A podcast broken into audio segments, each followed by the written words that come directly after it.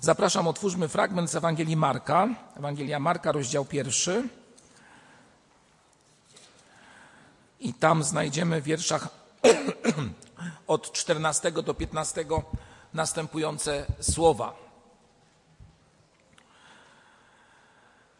A potem, gdy Jan został uwięziony, przyszedł Jezus do Galilei, głosząc Ewangelię Bożą i mówiąc: Wypełnił się czas i przybliżyło się Królestwo Boże. Upamiętajcie się i wierzcie Ewangelii. Krótkie słowa, ale ze wszechmiar bardzo konkretne i myślę, że y, też bardzo mocno przemawiające do każdego z nas. Informacja o tym, że gdy Jan został uwięziony, w ogóle Ewangelia Marka jest taką Ewangelią dosyć ścisłą, która to Ewangelia e, bardzo jednoznacznie e, wskazując na e, Pana Jezusa Chrystusa, mówi właściwie bez jakichś dodatkowych rozwlekłych opisów o tym, co się wydarzyło. A więc Jan został uwięziony, a następnie, jak został uwięziony, to poszedł Jezus do Galilei i tam już głosił Ewangelię Bożą. Gdybyśmy wzięli inne Ewangelie, tam pomiędzy tymi wydarzeniami jest jeszcze troszeczkę opisu, ale to nie czas i miejsce, aby dziś o tym akurat mówić. A więc e, Jan został uwięziony, jak czytamy, e, i w tym momencie, jak gdyby rozpoczyna się to, co jest głównym celem przesłania naszego Pana Jezusa Chrystusa, a więc głoszenie dobrej nowiny, Ewangelii o zbawieniu. Uwięzienie Jana, człowieka, można je powiedzieć, spośród niewiasty, człowieka pełnego wiary, zostało dokonane na skutek kaprysu, tak bym powiedział, kobiety, czyli Herodiady. Osoba ta, e, no, miała możliwość i dosyć duży wpływ na tego człowieka, a następnie pijaństwo Heroda doprowadziło do tego, że będąc uwie, uwiedziony, tak bym powiedział, e, i tutaj konkretnie córką jej, obiecał jej pół królestwa. A jak wiemy, jak to się skończyło? No skończyło się to tym, że Jan stracił głowę. A więc e, trudna sytuacja, i tak Jan bardzo krótko opisując tą, e, e, tą historię mówi, że przyszedł Jezus do Galilei i głosi Ewangelię Bożą. Głosi Ewangelię Bożą. A więc Jezus przychodzi e, wypełniając konkretne rzeczy i o tym już czytamy właśnie w wierszu 15. Wypełnił się czas. Wypełnił się jakiś określony czas i przyszedł Jezus. Ktoś by powiedział, taki profetyczny zegar pojawił się, i na arenie dziejów pojawia się Pan Jezus Chrystus. Pojawia się, aby rozpocząć to, co jest istotne dla świata, co jest istotne dla ludzi. Było istotne wtedy i jest istotne i dziś. A mianowicie jest to istotne, aby poinformować, że wypełnił się czas i coś się przybliżyło. I to nie jest tak, że wtedy coś się wypełniło. To trwa dziś. To wypełnienie i to, że jest to dane nam w sposób szczególny od Boga, ten przywilej życia w określonym czasie, w czasie łaski, moi drodzy, jest to wielki dar, który często jest przez ludzi niedoceniany. Czas łaski, który trwa teraz, jest czasem szczególnym, moi drodzy. Czas łaski, w którym zawsze możemy przyjść przed tron naszego Pana Jezusa Chrystusa. A więc wypełnił się czas zgodnie z tym profetycznym zegarem, jak powiedziałem, i przybliżyło się królestwo. Przyszedł król. Zawsze ta, ta idea przyjścia króla, pojawienia się króla, gdy go nie ma, a on jednak przychodzi, powiemy, że jest, ale nagle nie było go przez jakiś czas i wraca. To także i w historii możemy często obserwować, jaką to wielką radość sprawia, że nagle jest wreszcie ten, który jest prawowitym władcą i wraca, aby działy się bardzo, bardzo konkretne rzeczy. Przybliżyło się królestwo, przybliżyło się królestwo. Zobaczcie, czytamy tutaj jeszcze informację o tym, że Jezus poszedł do Galilei. To jest miejsce rodzinne naszego Pana, miejsce niekoniecznie najlepsze, moi drodzy. Bo jak czytamy, gdy czytamy o tych informacjach, widzimy, że właśnie to w tym miejscu, e, w ojczyźnie byśmy powiedzieli, tej ziemskiej Jezusa, tam gdzie się urodził, doznaje samego złego traktowania, wręcz takiego bezczelnego, agresywnego odrzucenia go po jakże prorok w ojczyźnie może mieć e, możliwość pokazania czegoś, co jest istotne? Przecież to syn cieśli. Jakiś taki, byśmy powiedzieli, prostak w ich rozumieniu, ani specjalnie niewykształcony, i on nagle przychodzi i takie wielkie rzeczy. Oj, ludzie mają taką tendencję bardzo często w swoim nastawieniu, gdy e, sami zdobywszy jakąś elokwencję, nie wiem, wykształcenie czy coś innego, e, próbują, może nawet i nie chcą tego, ale jakoś tak machinalnie próbują, patrząc na człowieka, który może nic specjalnie nie znaczy, albo niczego, y, nic za nim nie idzie, próbują go w jakiś sposób zdyskredytować. I to miało miejsce z naszym Panem Jezusem Chrystusem. No przecież to zwykły cieśla. No zwykły cieśla. Kim on jest, żeby cokolwiek w ogóle, co to w ogóle za człowiek, no? Co to jest? Spotkaliście się z czym takim? Ja się spotkałem, moi drodzy. I to jest straszne, kiedy człowiek jest w jakiś sposób taki poniżony. Kim ty jesteś?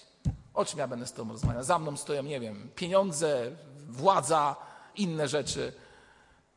Za mną stoi przekonanie o słuszności moich idei, za mną stoi przekonanie, że ja wiem. To kim ty jesteś? Kim ty jesteś? Gdzie jest twoje, jakie jest twoje miejsce? Tego doznał Jezus. Tego doznał Jezus. Ale Jezus przychodzi i czytamy tutaj w 15 wierszu bardzo konkretne słowa. Przychodzi mówiąc, mówiąc konkretne rzeczy, a mówi, że wypełnił się czas i przybliżyło się królestwo. I właśnie to jest istota także istotne w Twoim i moim życiu, że kiedy nawet doznajesz odrzucenia, doznajesz niesprawiedliwego sądu, ty stojąc w prawdzie, okazuje się, że patrzysz z tą prawdą swoimi oczyma i widzisz, że ta prawda burzy się, po ktoś inny tą prawdę dyskredytuje, tak jak było w przypadku Pana Jezusa Chrystusa, przepraszam. Dyskredytuje tą prawdę i próbuje, nie wiem, uczynić z siebie czegoś. To pamiętaj o jednej rzeczy, bardzo istotnej sprawie. A mianowicie pamiętaj, kim jesteś w Panu Jezusie Chrystusie i co jest istotne w Twoim życiu. Bo nie jest istotne to, co stanowi o doczesności Twojej tu i dziś, tylko istotne jest to, co jest w Twoim sercu i prawda, która w nim jest. To, co jest przez Chrystusa zmienione i do Chrystusa prowadzi. I w takiej mocy przyszedł Chrystus. W Galilei cieśla, nic nieznaczący człowiek. Co to? Kto to? Żeby nie powiedzieć brzydko wieśniak, tak? Wielu tak myślało, mogę wam powiedzieć. A jednak nie. Przychodzi jako ten, który wypełnia czas, wielki czas od Boga. Czas, który jest czasem szczególnym, albo można powiedzieć chwilą, która rozpoczyna całą erę, w której jesteśmy teraz. Erę łaski, erę łaski dla każdego z nas. A więc przyszedł Jezus i mówił to w mocy. Skupmy się na chwilę na temat tej idei właśnie czasu, o którym tutaj mówi nasz Pan Jezus Chrystus, wypowiadając te słowa, że wypełnił się czas. Jakby to powiedzieć, Jezus mówiąc o tym czasie, mówi o jakiejś pełni, o jakimś e, wydarzeniu, które to wypełnia całość ówczesnej rzeczywistości. Wypełnił się czas. W jednym z kazań e, jednego z ojców Kościoła przeczytałem takie słowa. Napisał on, że czas jest pełny Boga, wypełniony obecnością Boga. I dodał, że bez Boga czas jest pusty. Zastanowiłem się nad tymi słowami i stwierdziłem, że faktycznie to jest istota w życiu każdego z nas. Zostaliśmy obdarzeni byciem w jakimś określonym czasie, w określonym, określonej rzeczywistości. I ten czas, który został nam dany, te 24 godziny, 7 dni w tygodniu, miesiąc, rok i tak dalej, są dane Tobie jako dar. Są dane Tobie i mnie do pełnego wykorzystania. Mówiliśmy wiele na temat czasu tutaj w tym miejscu, ale jeszcze raz pragnę Was zachęcić do refleksji na ten temat i tak sobie postanowiłem, że co jakiś czas będę do Was o tym mówił. Dlaczego? Dlatego, że czas jest to dar niepośredni dany człowiekowi. A powiem więcej, rozumienie czasu, w którym jesteśmy, to kolejna sprawa, która jest przywilejem ludzi myślących. Rozumienie tego, że w jakimś określonym czasie, w określonej chwili mamy do wykorzystania coś, co spowoduje, że jako człowiek będziemy mogli dobrze funkcjonować, lub też zaplątamy się swoje własne jakieś trudne do określenia sytuacje i czas nie będzie odpowiednio przeżyty. Zmarnotrawimy go. Słowo Boże mówi, wypełnił się czas. Czas jest dobry dla nas wtedy, kiedy w Twoim i moim życiu jest on pełen Boga i Jego obecności. Jeszcze raz powtórzę: bez Boga czas jest pusty. Niczego nie jesteśmy w stanie wartościowego w tym czasie doznać. Ludzie przeżywają bez Boga swój czas, organizując sobie rozrywki, organizując sobie różne sytuacje, które mają ten czas zapełnić. Często jest to praca, zmęczenie po pracy, ale potem, kiedy już następuje ten wolny czas, to człowiek próbuje e, ten czas, nie wiem, spożytkować na działania związane z budową swojego ciała, czy też dbaniem o jakieś inne sprawy. I to w sumie nie jest do końca takie złe. Tylko moi drodzy, powiem tak, że jeżeli to wszystko jest czynione bez obecności Bożej, to ten czas jest pusty, moi drodzy. A to wszystko, co robimy, to wiecie, co to jest? To są bodźce, które wpływają na ciebie. Aby doprowadzić do wypełnienia czegoś, czego wypełnić się nie da, moi drodzy. No nie ma opcji. Po ile razy możesz jechać w różne miejsca świata, choćbyś nawet cały świat zwiedził? Ile razy możesz zrobić różne rzeczy? Po jakimś czasie stwierdzisz, no fajnie, że to zobaczyłem. Ale nadal będzie w Twoim sercu pustka. I dopiero to, co tutaj, o czym tutaj czytamy, że wypełnił się czas, a więc wypełnienie Bogiem Twojego życia nadaje nam sensu. Dlaczego? Dlatego, że czas jest obszarem panowania Boga, a nie obszarowanie, obszarowanie obszarem panowania Ciebie, mnie. Myślę, że każdy z nas, każdy z nas ma jakąś refleksję na ten temat. O jaki czas chodziło Chrystusowi, kiedy wypowiadał te słowa? Chodziło tutaj o słowo, które z języka greckiego kairos znaczy o ten czas tu i teraz. W języku greckim były aż trzy określenia dotyczące tej kwestii. Chronos, kairos i aion. Czyli to, co jest w trwaniu, ten aion, coś, co trwa teraz, wiek, wieczność. Tu zapisałem sobie dalej chronos, czyli czas, który ciągle płynie. I ten kairos, czyli to, co jest teraz, tu, właśnie teraz, czas odpowiedni, który trzeba, można by powiedzieć, złapać, doświadczyć, aby być przez to bliżej, bliżej Boga, aby wypełnić ten czas Bogiem, a nie sobą.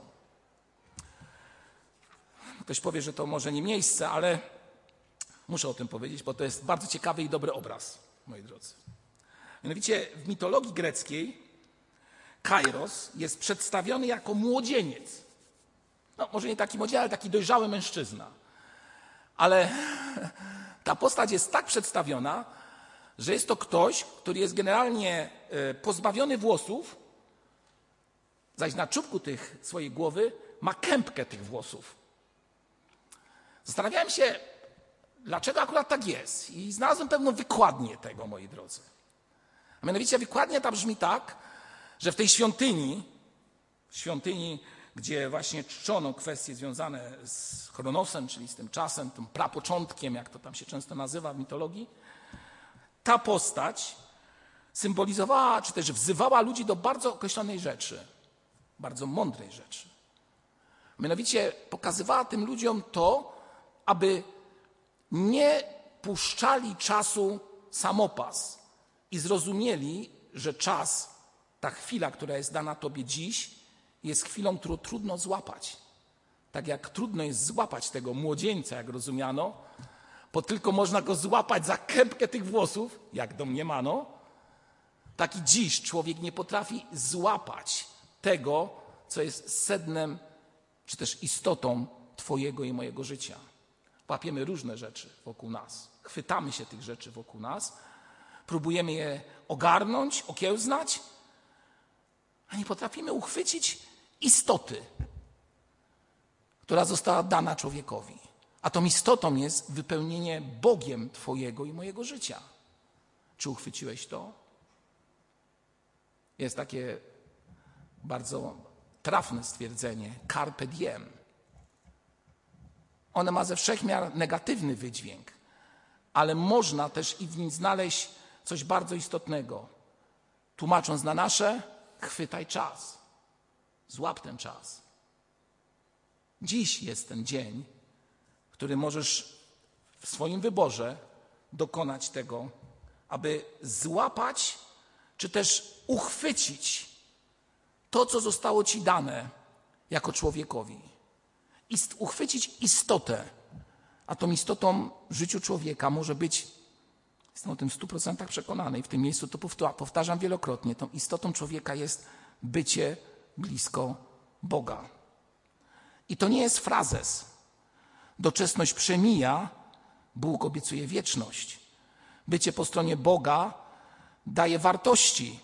Bycie po stronie ludzkiej daje jakieś wartości, ale bardzo często wszystkie te wartości są skupione na, na mnie, na moich potrzebach, często egoistycznych potrzebach.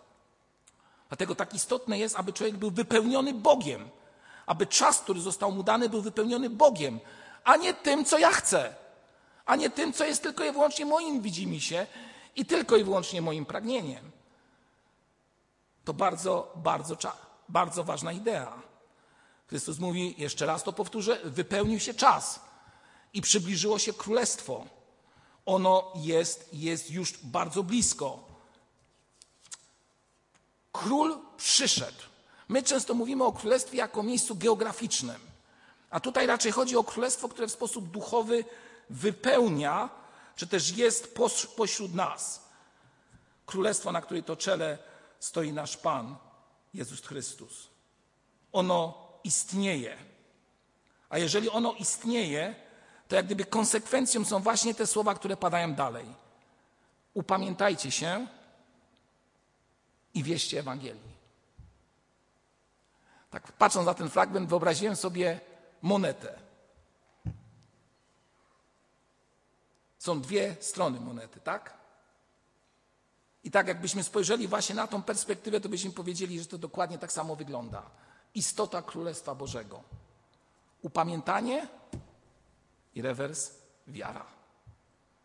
Dwie bardzo istotne sprawy w życiu każdego z nas. W tym czasie, w którym jesteśmy. W tym czymś, w czym jesteśmy teraz. Dwie bardzo ważne sprawy, do których wzywa nasz Pan Jezus Chrystus. Upamiętajcie się i uwierzcie Ewangelii. Wieście Ewangelii. Oczywiste, a rzeczywistości tak często jakoś dziwnie w naszym życiu, w moim życiu traktowane. Co to jest to upamiętanie, o którym tutaj mówimy? Gdyby dokładnie przetłumaczyć słowo upamiętanie, to rozwaga i rozsądek, moi drodzy. Tak tłumaczy to język polski, słownik języka polskiego. Rozwaga i rozsądek. W takim innym znaczeniu ktoś mówi, że ktoś zadłużył się bez upamiętania, ale to ma zupełnie inny wydźwięk, taki przysłówkowy troszeczkę, ale to nie czas, aby mówić o tym. A więc upamiętanie to rozwaga i rozsądek, która rodzi się w sercu człowieka. Ale kto powoduje, że to się rodzi w Twoim i moim sercu? Zaryzykuję, powiem, że nie Ty sam. Tą rozwagę i rozsądek do Twojego serca daje nie kto inny, tylko nasz Pan Jezus Chrystus w akcie łaski. Bo to On Tobie, mnie do głowy daje tą myśl, że coś trzeba ze swoim życiem zrobić. Pamiętacie przykład Dawida z Psalmu 51? Psalm 51, piękny psalm, ale napisany e, w takiej sytuacji mocno kontrowersyjnej, jeśli chodzi o życie Dawida. Czytamy w drugim wierszu, gdy wdał się z Batrzebą i wtedy przyszedł do niego prorok, Natan. Dawid mówi, zmiłuj się nade mną Boże, według łaski swojej, według wielkiej litości swojej, zgładź występki moje. Otrzymał głos od Boga, dany mu przez proroka, który my dziś otrzymujemy czytając Jego słowo. Otrzymujemy ten głos od Boga przez Pismo Święte w określonym czasie, w chwili, w akcie łaski, w którym jesteśmy. Otrzymujemy, aby zastanowić się nad swoim życiem. I wtedy Dawid właśnie mówi o tym, że rozumie swój błąd. A to rozumienie nie daje mu jego wiedza i tyle intelekt, bo jego wiedza i intelekt doprowadziła do, doprowadziły do tego, że posiadł kobietę, a następnie zabił jej męża. To był człowiek. W czasie, który on sobą, w którym on się realizował. I dopiero kiedy przychodzi głos od Boga, ten akt łaski, o którym mówię, ten człowiek zaczyna zupełnie inaczej myśleć. Upamiętanie przychodzi z góry i zostaje dane nam. Duch Święty dziś działa w nas i pokazuje nam, kim jesteśmy, kim jestem przed Bogiem. Ja bowiem znam występki swoje, mówi Dawid, i grzech mój zawsze jest przede mną. Myślę, że uczciwy człowiek, każdy uczciwy człowiek wie, co jest w jego sercu prawdziwie. I zna występek, który jest w sercu Twoim i moim. Czy stoimy w czasie, w którym jesteśmy, w tym określonym momencie, w prawdzie przed Bogiem? To po pierwsze. A po drugie, jeżeli jesteśmy w tym określonym czasie, czyli dziś, tutaj, w tym miejscu, czy mamy wolę, aby prosić Boga o to, aby pokazał nam obszary w naszym życiu, które są często znane tylko i wyłącznie przeze mnie, a które powinienem przedstawić Bogu i prosić Go o to, aby On je po pierwsze oczyścił, zmienił i doprowadził do naprawy? Dziś jest ten czas, moi drodzy. Tu i teraz. Tu i teraz. Nie jutro. To w kulturze tej południowej, szczególnie iberyjskiej, jest pewne słowo. Wiecie, jak to słowo się nazywa? Maniana. Przyjdź jutro. Jutro to załatwimy. Wszyscy wszystko wiedzą. Nie, nie, moi drodzy. Tu i teraz jest ten czas. Tu i teraz. Bo Jezus przyszedł, aby wypełnił się czas i przybliżyło się królestwo. To jest istota wszystkiego w życiu Twoim i moim. Dawid to zrozumiał, mówiąc, że przeciwko Tobie zgrzeszyłem. Przeciwko Tobie zgrzeszyłem i chociaż trwał w buncie, to jednak prosił o Bożą, czystą naturę, którą Pan Bóg może prawdziwie oczyścić i zmienić człowieka. Otwórzmy Księgę Izajasza, 64 rozdział i wiersz 6. Księga Izajasza, 64 i wiersz 6. Już znajdę szybciutko. I wiersz 6. I wszyscy staliśmy się podobni do tego, co nieczyste. A wszystkie nasze cnoty są jak szata splugawiona. Wszyscy więdniemy jak liść, a nasze przewinienia porywają nas jak wiatr. Wszyscy staliśmy się podobni do tego, co nieczyste. Czy nie jest to paralelny tekst z tekstem z Nowego Testamentu, że nie ma sprawiedliwego ani jednego?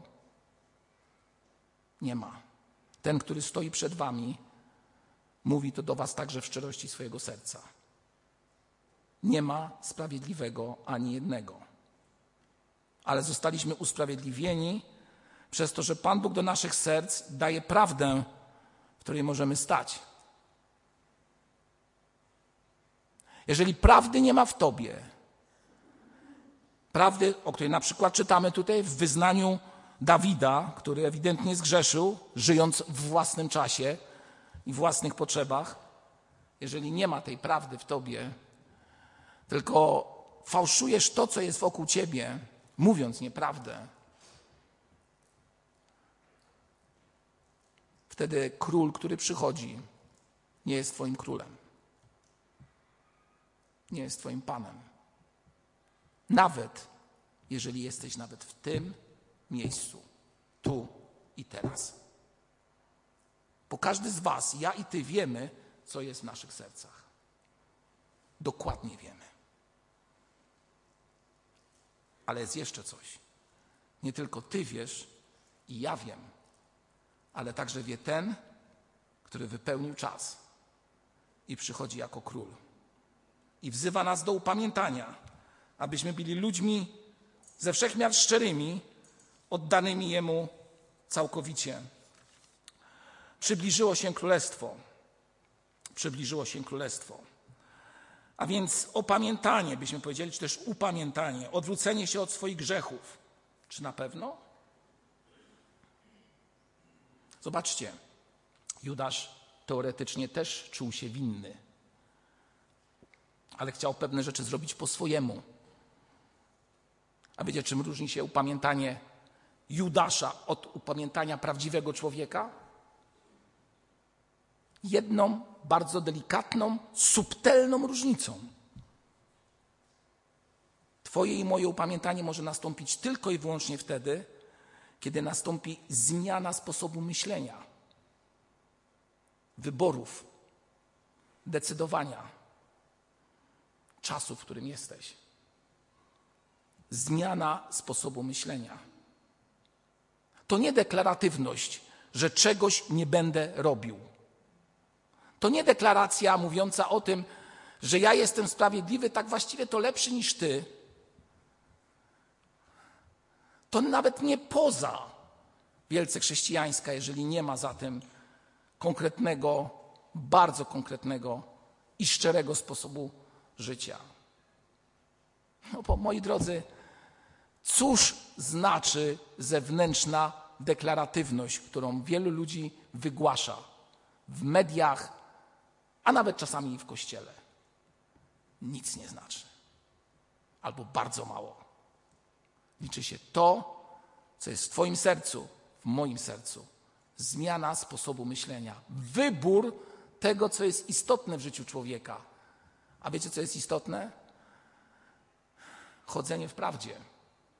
Bo prawdą jest nasz Pan Jezus Chrystus, czyli chodzenie w pełni Jezusa Chrystusa, o czym powiedziałem wcześniej.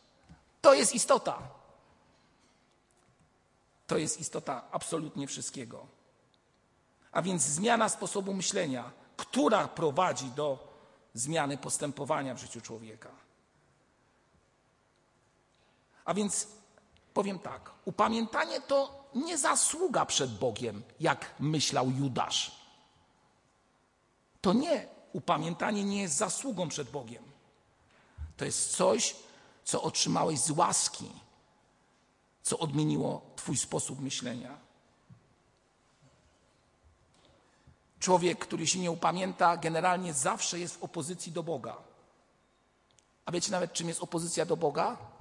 Opozycja do Boga może być nawet tym, że chcesz Bogu pokazać, jaki jesteś dobry, jaki jesteś sprawiedliwy, ile słusznych decyzji podjąłeś, jak mądrze i sprawiedliwie osądziłeś. To nie jest upamiętanie, moi drodzy. Upamiętanie to zmiana sposobu wyborów i decyzji w czasie, w którym jesteś, która prowadzi cię do dobrych uczynków. Pamiętajmy o tym. Sam z siebie, co możesz przynieść przed tron Najwyższego? Absolutnie niczego nie możesz przed ten tron przynieść. Ty i ja nie możemy niczego przynieść bo jesteśmy ludźmi nieczystymi, splugawionymi i pełno nas tego przykładu Dawida, o którym czytałem. W każdym miejscu. jedyne, co możemy przynieść, to prośba do Boga o akt łaski, który może wobec nas uczynić. I o to, aby zmienił sposób Twojego i mojego myślenia i doprowadził mnie wreszcie do tego, że będę chodził w prawdzie, a nie w swoim własnym ego i, w swoim własnym czasie. Wierzcie, że jest to możliwe. Wiara, która jest też konsekwencją pamiętania, albo inaczej, może nie tyle sama wiara, ale wiara Ewangelii, że w tej Ewangelii następuje odmienienie. Po czymże jest Ewangelia? Jest tą dobrą nowiną, która prowadzi właśnie do tego, o czym przed chwilą mówiłem. A więc trwanie w tym daje człowiekowi szansę do tego, aby był bliżej Boga. I zobaczył króla, który przychodzi. Hmm, przychodzi. On przyszedł, tylko czy myśmy go dostrzegli? On jest tu obecny, tylko czy my stoimy po jego stronie? Moi drodzy, dziś jest czas. Ten kairos, tu, tu i teraz jest ten czas. Abyśmy stanęli przed Bogiem tak szczerze i prawdziwie i powiedzieli mu: